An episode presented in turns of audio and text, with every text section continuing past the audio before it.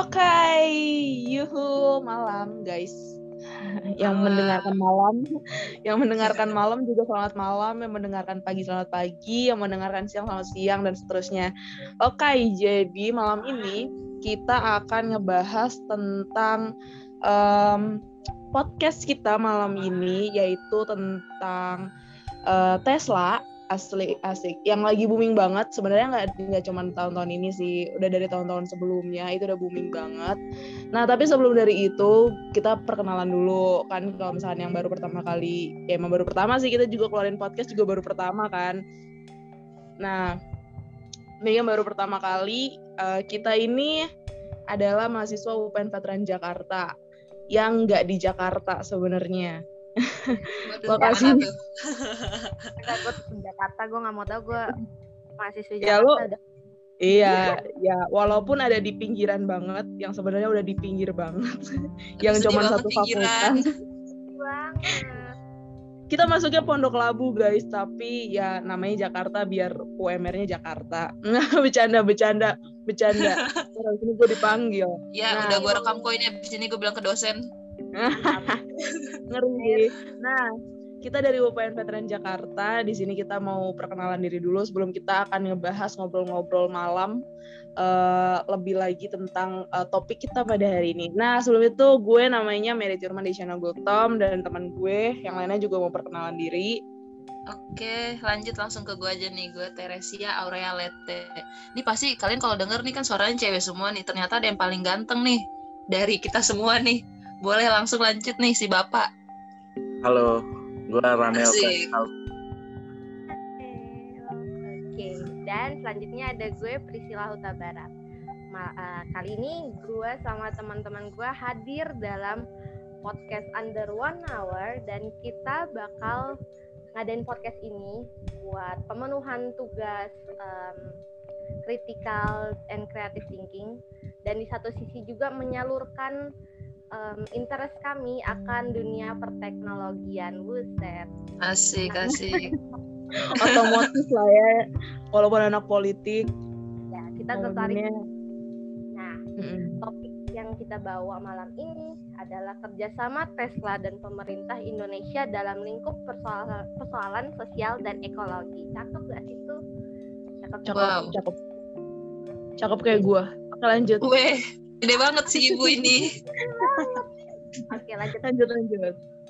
Um, politik itu nggak cuma bahas soal kekuasaan pemerintahan deh, nggak di TV-TV gitu, tapi kita juga bisa masuk ke dalam aspek sosial dan ekologi karena politik tuh di mana-mana ada sebenarnya dan salah satunya di kerja sama Tesla dan pemerintah Indonesia ini teman-teman. Yoi. Dan kalau kita mau track balik jadi kenapa sih uh, isu ini ada isu ini beredar dari tahun 2020 kemarin dan akhirnya naik lagi ke tahun awal tahun 2021 jadi karena Booming awal, lagi ya? Awalnya itu ini informasi umum sih kayak semua orang tahu gak sih? Cuma Indonesia itu merupakan negara yang kaya akan sumber daya alam dan mineralnya. I mean siapa sih yang nggak tahu? Indonesia hello. Asik kaya bro kaya kaya. Kita tuh kaya sebenarnya cuma kelolaannya aja nih agak-agak gimana gitu. Dan kekayaan daya mineral kita itu nggak nggak kalah dari sumber daya kayak misalnya bahan pangan rempah-rempah gitu ya.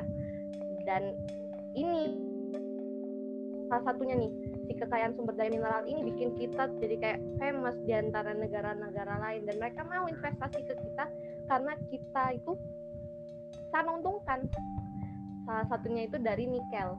Um, nikel ini tuh merupakan sumber daya mineral di Indonesia yang posisinya ketiga terbesar cadangannya itu dalam dunia. Jadi di antara Wow. Indonesia ketiga. bangga, Weh, bangga. bener gak sih Cesi? Bener kan? Iya bener banget sih bener bener bener bener.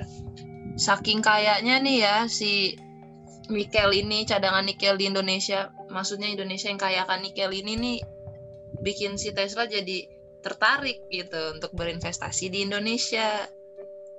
Hmm. Nah, bentuk investasinya ini ya, dia tuh bakal bikin perusahaan baterai untuk apa namanya mobil listrik. Nah, Terus ada hal menarik nih, ternyata eh ternyata si Bapak Jokowi, asik Bapak kita nih, dia dia ini bikin Perpres nomor 55 tahun 2019 yang di mana isinya tentang percepatan program kendaraan bermotor listrik berbasis baterai untuk transportasi jalan. Nah, kalau misalkan si Tesla sama Indonesia jadi kerjasama, berarti sama-sama diuntungkan dong ya nggak sih guys jadi yang di mana adanya win-win solution nih si Tesla dia bisa ngebikin pabrik dia untuk perusahaan baterai mobil listriknya nah si Indonesia ini bisa ngewujudin program kendaraan bermotor listrik berbasis baterai jadi kan apalagi di Indonesia ini kan pol polusi itu udah yang jadi hal yang sangat kita wanti-wanti lah ya. Nah, ini tuh udah banyak juga sih beritanya ya yang dari gue tahu yang gue baca-baca di Google kayak tentang investasi Tesla ini yang di mana si Teslanya ini berusaha banget buat investasi ke Indonesia ya nggak sih? Tapi dari berita-berita yang beredar gitu entah di sosmed atau di uh, portal berita gitu kan pasti eh, nggak uh, cuman kita tentunya teman-teman juga nangkep itu awalnya Tesla ini mau bikin pabrik mobilnya gitu kan di Indonesia ini tapi ternyata bentuk kerjasama Tesla sama Indonesia nantinya ini tuh niatnya cuman mau bikin uh, sistem penyimpanan energi buat si mobil listrik ini atau energy storage system ISS uh, hmm kita uh, salah nangkep sih sebenarnya kan awalnya gitu. Iya, kita kiranya nangkepnya kita mau produksi mobilnya ya ternyata Iya. Kita oh. cuma bikin kayak istilahnya power bank buat mobil listriknya itu doang sih. Dari apa yang gue baca-baca juga. Nah, tapi uh, sebenarnya ya gak uh, belum jadi keputusan sih. Kalau misalnya tadi lulu pada kan berdebatnya antara mau bikin jadi sebenarnya mau bikin apa mau buat baterainya doang sumber daya eh iya nikel untuk baterai atau buat uh, mobil listrik gitu kan. Tapi sebenarnya uh, dari tahun 2018 kali ya. Iya dari 2018 tuh kalau gue baca. Itu tuh udah bener-bener udah ada obrolan gitu. Tapi sampai 2021 itu obrolan masih terus berlanjut. Jadi belum ada keputusan, belum ada uh, iya, belum ada ketok palu kayak gitu-gitu tuh belum. Soalnya di tahun 2021 itu tuh uh, awalnya tuh kan Tesla mau datang ke Indonesia kan, mau ngobrol lebih. Soalnya sebelumnya tuh di tahun 2020 enggak enggak 2019 2019 di Agustus tuh gue inget banget itu tuh Presiden Jokowi tuh uh, nelpon gitu teleponan gitulah sama si Elon Musk. Iya, gue baca juga tuh itu. Ya uh, gue sorry gue ralat maksudnya di uh, 2020 nah itu tuh ada teleponan tuh si Jokowi sama Presiden Jokowi sama si uh, bagian Tesla si si Elon Musk. Asik gue nggak tahu deh spellnya gimana tapi ya seperti itu. Nah iya.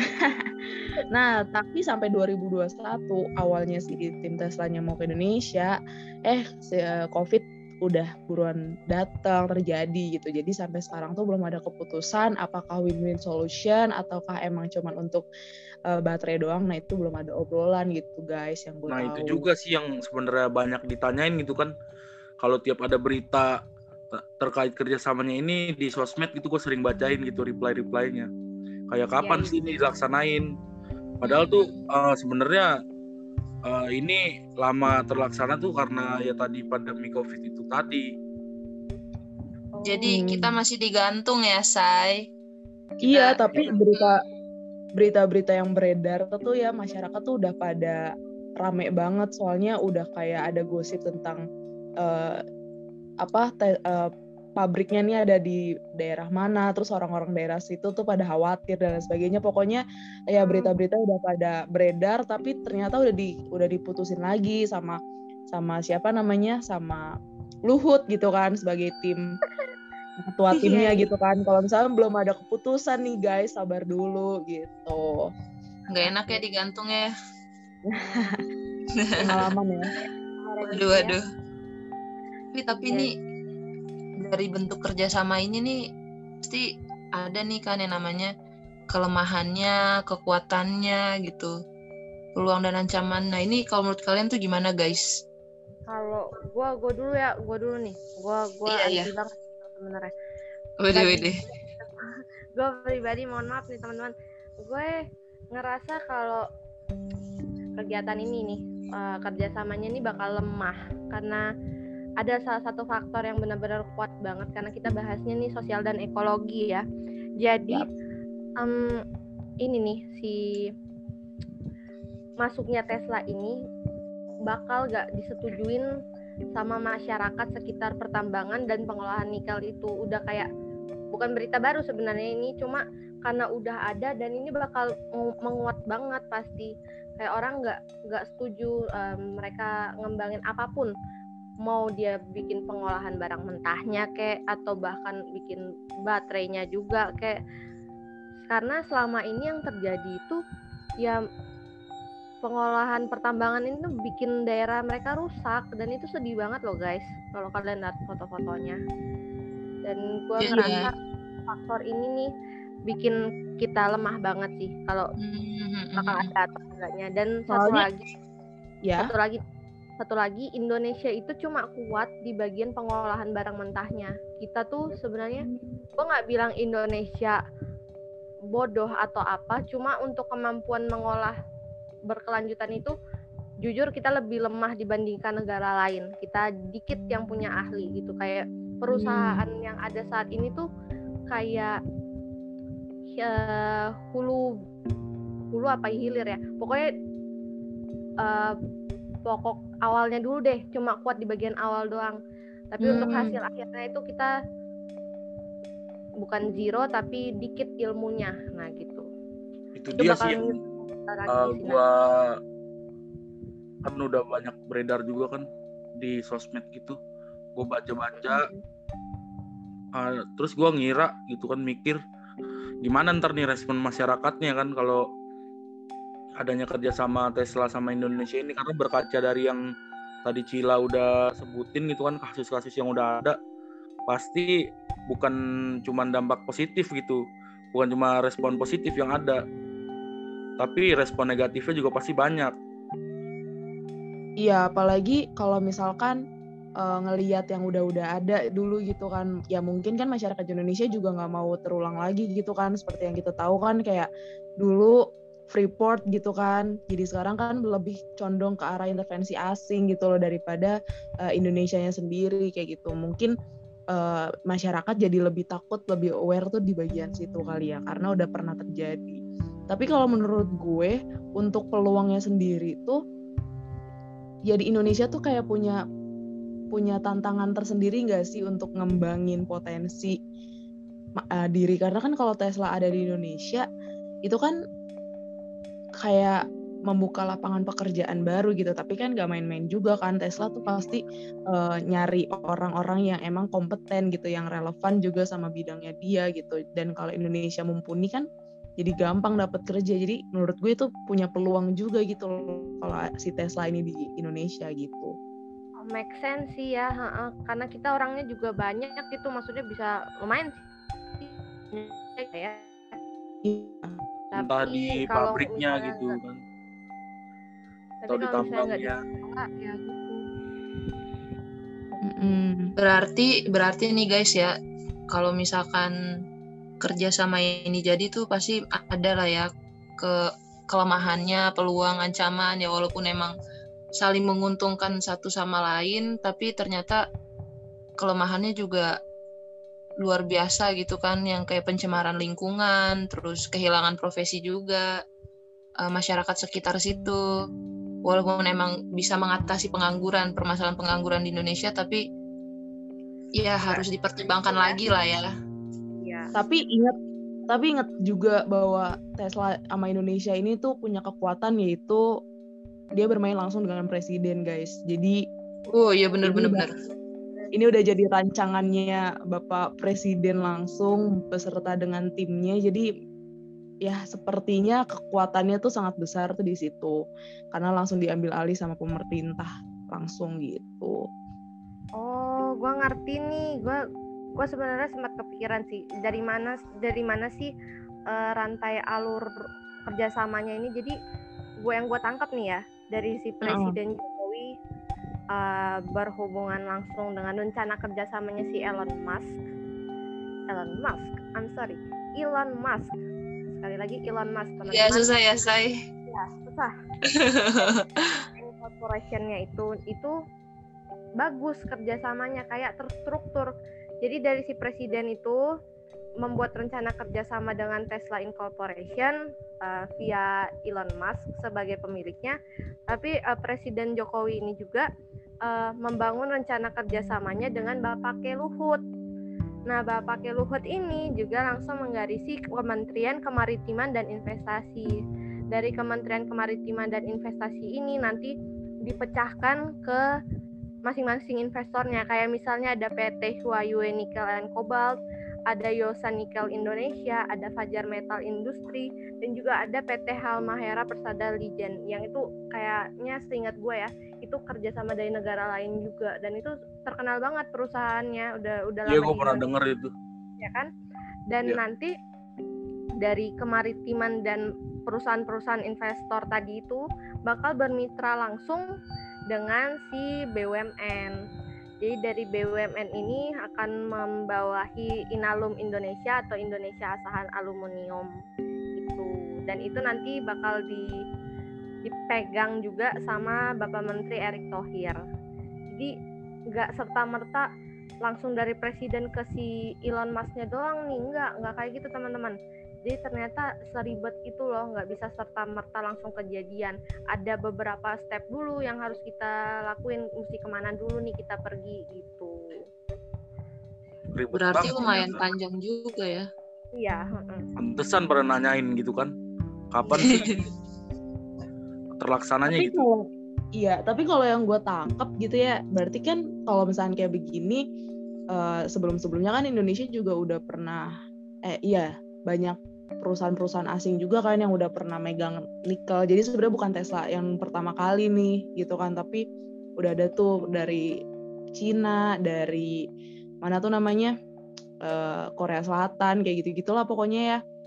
Tadi udah Cila sebutin, kayak gue ngelihatnya uh, negara tuh udah mulai ada kerjasama gitu loh dengan swasta. Jadi nggak nggak yang semerta-merta pemerintah-pemerintah, negara-negara, swasta sendiri tapi udah mulai ada kerjasama tuh di antara dua itu kayak gitu nah kalau misalnya tadi berbicara tentang kayak begitu ya itu kan pasti ada skenario ya nggak sih kalau misalnya dibalik suatu fenomena yang terjadi itu kan pasti ada iya, iya. skenario bener, skenario bener, Nah, kalau dari tadi yang lu pada obrolin gitu ya, gue nyimaknya tuh ada beberapa skenario yang yang mungkin terjadi gitu loh. Yang pertama itu pasti ada intervensi asing. Ya dong, kalau udah ngomongin Tesla, ya Tesla bukan di Indonesia, otomatis kan kita ngomongin intervensi asing kan. Terus ada juga intervensi pemerintah. Jadi Cila udah jelasin begitu banyak uh, uh, rantai keluarga. rantai keluarga, rantai kekeluargaan ini yang ada. Dan di mana semuanya adalah uh, di bawah pemerintahan Indonesia gitu kan. Terus sama kajian sosial dan ekologis. Jangan lupa nih kita juga ngomonginnya soal uh, sosi uh, politik ekologi gitu kan yang pasti uh, masyarakat Indonesia juga lagi concern banget nih sama alam sama lingkungan Indonesia itu sendiri. Nah, kalau misalkan gue nangkepnya ya kalau berhubungan dengan ekologi gitu kan. Dari yang lu semua pada obrolin tadi kan pada khawatir banget kalau misalkan itu akan merugikan Indonesia dalam hal ekologi gitu. Tapi kalau misalnya kita uh, berbicara tentang intervensi asing, kita kan lagi kerjasama sama pihak luar nih. Otomatis kan kita juga perlu perlindungan juga dari organisasi-organisasi internasional yang uh, membawahi gitu kan aspek-aspek tertentu gitu. Misalkan dari aspek lingkungan yang kita lagi concern banget nih. Kan itu ada misalnya ada ITTO itu dia membawahi uh, bidang ekologi ITTO tuh ada International Tropical Timber Organization gitulah terus ada juga Greenpeace kayak gitu nah itu tuh organisasi-organisasi internasional yang emang concern banget di bidang ekologi. Jadi kalau misalkan mereka dan Indonesia kalau yang gue baca ya sejauh ini Indonesia tuh masuk gitu loh di di organisasi tersebut ada juga PBB gitu kan. Jadi kalau misalkan uh, si pihak luarnya itu juga melakukan sesuatu yang tidak baik untuk lingkungan, untuk ekologi kayak gitu, gue rasa sih organisasi internasional juga akan turun langsung gitu loh. Oh jadi di, kita nggak sendiri kan gitu ya? Ada backing. Iya, nggak akan sendiri, tapi ada backingan gitu loh. Jadi ya seenggaknya nggak takut-takut amat sih seharusnya gitu. Gila gila. Eh tapi ya Mer ya, mm Karena lu ngomong soal skenario-skenario nih, gitu kan. mm Gue jadi kepikiran juga nih, apa namanya Indonesia ini kan rawan banget ya bencana alam ya. Iya kan? Yoi. Siapa sih? Iya banyak banget kayak tsunami, gempa bumi, longsor, banjir. Nah apalagi banjir, kayak di DKI, iya iya iya di DKI Jakarta ini kan rawan banget banjir ya. Dan hmm. ini tuh apa namanya kalau misalkan emang fix banget kerjasama jadi dan uh, memproduksi kendaraan bermotor berbasis baterai listrik gitu ini tuh kayak rentan banget gak sih? Kayak banjir terus lo bawa motor listrik ya hmm kesetrum lo meninggoy ya kan? Itu harus dipikirin yeah. lagi ya kan ya? Itu jadi PR banget sih maksudnya jadi tantangan juga untuk pemerintah yang di mana saat dia melakukan kerjasama dia harus memperhitungkan hal seperti itu juga ya kan? Yang di mana kebijakannya ini nih masih memiliki dampak yang mengerikan juga gitu. Apalagi kalau dipakai di Jakarta gitu kan. Nah iya iya. Teman-teman juga pasti tahu lah ada isu Jakarta mau tenggelam gitu kan. Gimana cara? Ah, itu bener banget. Sampai juga. Yeah. Gue takut banget cuma jangan bahas banjir. Gue takut banget sama banjir. Oke. Okay. udah beli mobil, udah beli mobil mahal-mahal gitu kan. Mobil listrik kan mahal banget ya guys eh nggak taunya banjir iya iya. Tenggelam. Udahlah. Habis udah. Iya terus kayak kayaknya juga kalau misalkan emang jadi di bekerja sama juga kayaknya yang bakal diuntungkan tuh juga kayak maksudnya kalau untuk masyarakat ya. Itu yang kayak yang mereka yang kaya kaya gitulah mau kayak kelas menengah ke atas lah ya. Iya betul ya nggak sih? ha karena kan yang kayak kita model-modelan kita yang miskin ini gitu kan. Untuk beli juga beli masih mikir-mikir. Beli mobil biasa aja belum tentu. Waduh iya, benar-benar dapat Honda Jazz aja gue udah sujud syukur ya nggak boleh sebut merek. Nah, kita tidak disponsori oleh apa pun. Jadi ya ya dapat mobil gitu aja tuh kita udah seneng gitu kan gimana dapat mobil iya. jadi ya sebenarnya kalau dari obrolan lu ya Ces kalau gue sih ngelihatnya ya uh, sebelum kerjasama ini terjadi gitu kan harus sadar diri dulu gak sih? Kayak Zik, negara tuh sadar harus sadar diri. Uh, uh, ngaca dulu gitu loh kayak negara kita tuh seperti apa? Mumpuni iya, atau iya. enggak? Kalau misalkan nikelnya tercukupi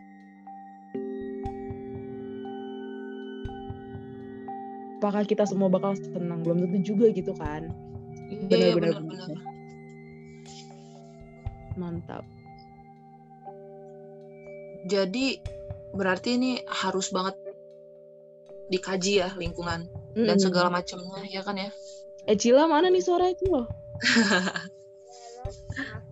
sempat menghilang tadi sebentar karena masalah gimana nih menurut lo nih skenario apa yang ada menurut lo nih di di Tesla Tesla dan Indonesia ini nih hmm. gua ya gua concern gua tetap ke si pihak lingkungan sih eh masyarakat gue ada buat mereka gitu kayak gue langsung ngebayangin nih kayak yang udah-udah pernah kejadian itu demo lagi pasti pasti bakal banyak lagi demonstrasi penutupan tambang.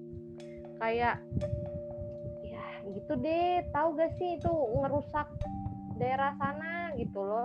Walaupun ya walaupun memang uh, ada amdal cuma berdasarkan penelitian nih ada beberapa pihak yang ngadain kajian itu uh, setahu gue dari pihak luar juga mereka itu meneliti aspek sosial dan ekologi dari dari pertambangan yang selama ini ada di Indonesia khususnya di wilayah Sulawesi.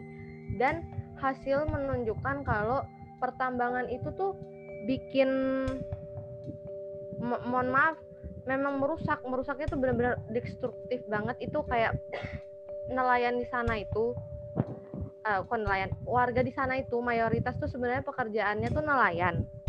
Tapi karena adanya limbah yang dihasilkan dari perusahaan pertambangan ini itu bikin mereka nggak bisa kerja. Kenapa? Karena air lautnya tuh tercemar mereka nggak bisa mancing ikan-ikannya tuh mati keracunan. Dan yang parahnya lagi ya ikan mati keracunan ya oke. Okay. dan itu sebenarnya matinya keribuan sih. Makanya no wonder mereka nggak bisa nangkap ikan tapi kadang ya mereka butuh makan. Makannya makan ikan juga. Ya mereka kena juga mereka keracunan juga gitu loh. Dan ini bikin mereka ya akhirnya speak up speak up ya demo gitu as in demo. Mereka nuntut supaya tolonglah berhenti atau enggak paling enggak perbaiki dulu lah apa gimana proses pengolahannya ini supaya nggak mencemari lingkungan dan membahayakan hidup mereka. Karena selain keracunan pernapasan mereka juga terganggu dari uap-uap yang dihasilkan.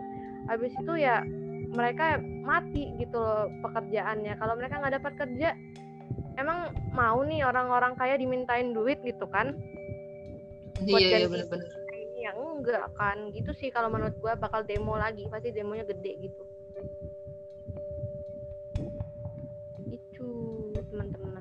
Kalau dari gua sih kepikiran skenario nya tuh justru nyambungin skenario lu bertiga tadi gitu kan. Sebelum uh, terjadinya kerjasama ini harus dikaji dulu sama pihak pemerintah gitu dengan ada intervensi pemerintah dari kita. Terus juga harus punya kajian-kajian uh, sosial juga kajian ekologis yang mumpuni gitu kan sama kita juga harus ngerancang amdal tadi yang Cila bilang gitu kan. Amdal itu sendiri itu kan uh, analisis mengenai dampak lingkungan. Biasanya digunain sama pemerintah buat mengkaji sesuatu dampak uh, kalau mau ada proyek gitu. Apakah proyek ini layak jalan atau enggak gitu. Nah yang dikaji itu aspeknya banyak.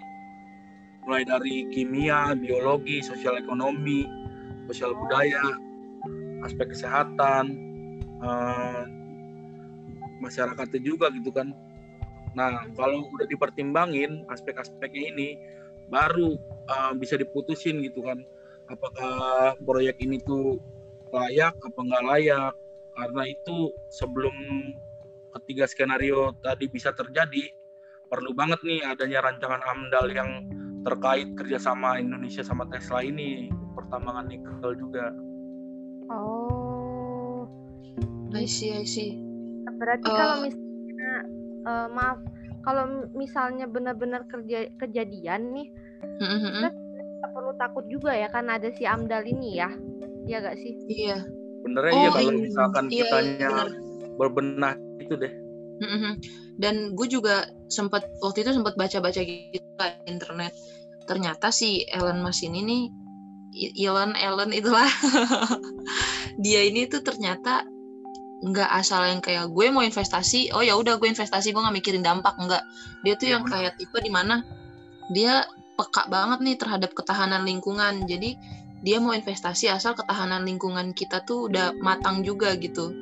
Jadi dia uh, uh, uh, jadi dia tuh mem, apa ya memperhatikan lingkungan banget deh pokoknya saat berinvestasi. Jadi supaya yang namanya perusahaan dia tuh eh, nggak uh, nggak menjadi meraup keuntungan sebanyak-banyaknya tanpa memikirkan dampak lingkungan gitu dan ini tuh juga bakal jadi PR banget nggak sih guys untuk pemerintah Indonesia ya, supaya untuk uh, iya sih berkaca dari kasus-kasus yang ada gitu kan iya supaya amdalnya tuh diperbaharui lagi dan dibikin lebih matang lagi ya kan demi investasi ya. dari si bos Tesla ini iya tapi sih. tapi tapi guys kalau misalkan itu? nih benar-benar terjadi nih ya. Ya kalau misalnya tadi kita udah ngomongin kekuatannya peluangnya dan lain sebagainya kalau misalkan emang benar-benar terjadi kan kayaknya emang di Indonesia-nya kan beli berita bahwa nih katanya Presiden Jokowi duluan nih yang ngontak kan. Nah itu tuh gue ngelihatnya kalau benar terjadi kerja sama itu sebenarnya nggak terlalu berdampak negatif sih. Kalau kita nggak ngomongin soal ekologi pasti uh, ngomongin juga kayak peluangnya bahwa Indonesia akan jadi negara yang mengikuti zaman gitu loh. Yang semakin semakin apa ya semakin modern gitu. Kan kita Indonesia ketinggalan uh, modernitas kita juga pengen dong in, uh, ngerasain yang namanya punya mobil listrik dan lain sebagainya. Jadi ya menurut gue sih sebenarnya nggak terlalu uh, apa ya terlalu buruk banget gitu. Untuk peluangnya Indonesia sendiri itu gede banget gitu. Untuk berkembang jadi negara yang uh, apa namanya negara yang maju gitu negara yang oh, ya iya sih. Berarti kalau gua boleh menyimpulkan ya gua ngeliat konteks isu kerja sama tes pemerintah Indonesia ini menghasilkan dua kesimpulan ya teman-teman. Kayak tuh, misalnya uh, bisa aja terjadi sama bisa aja enggak ya kan?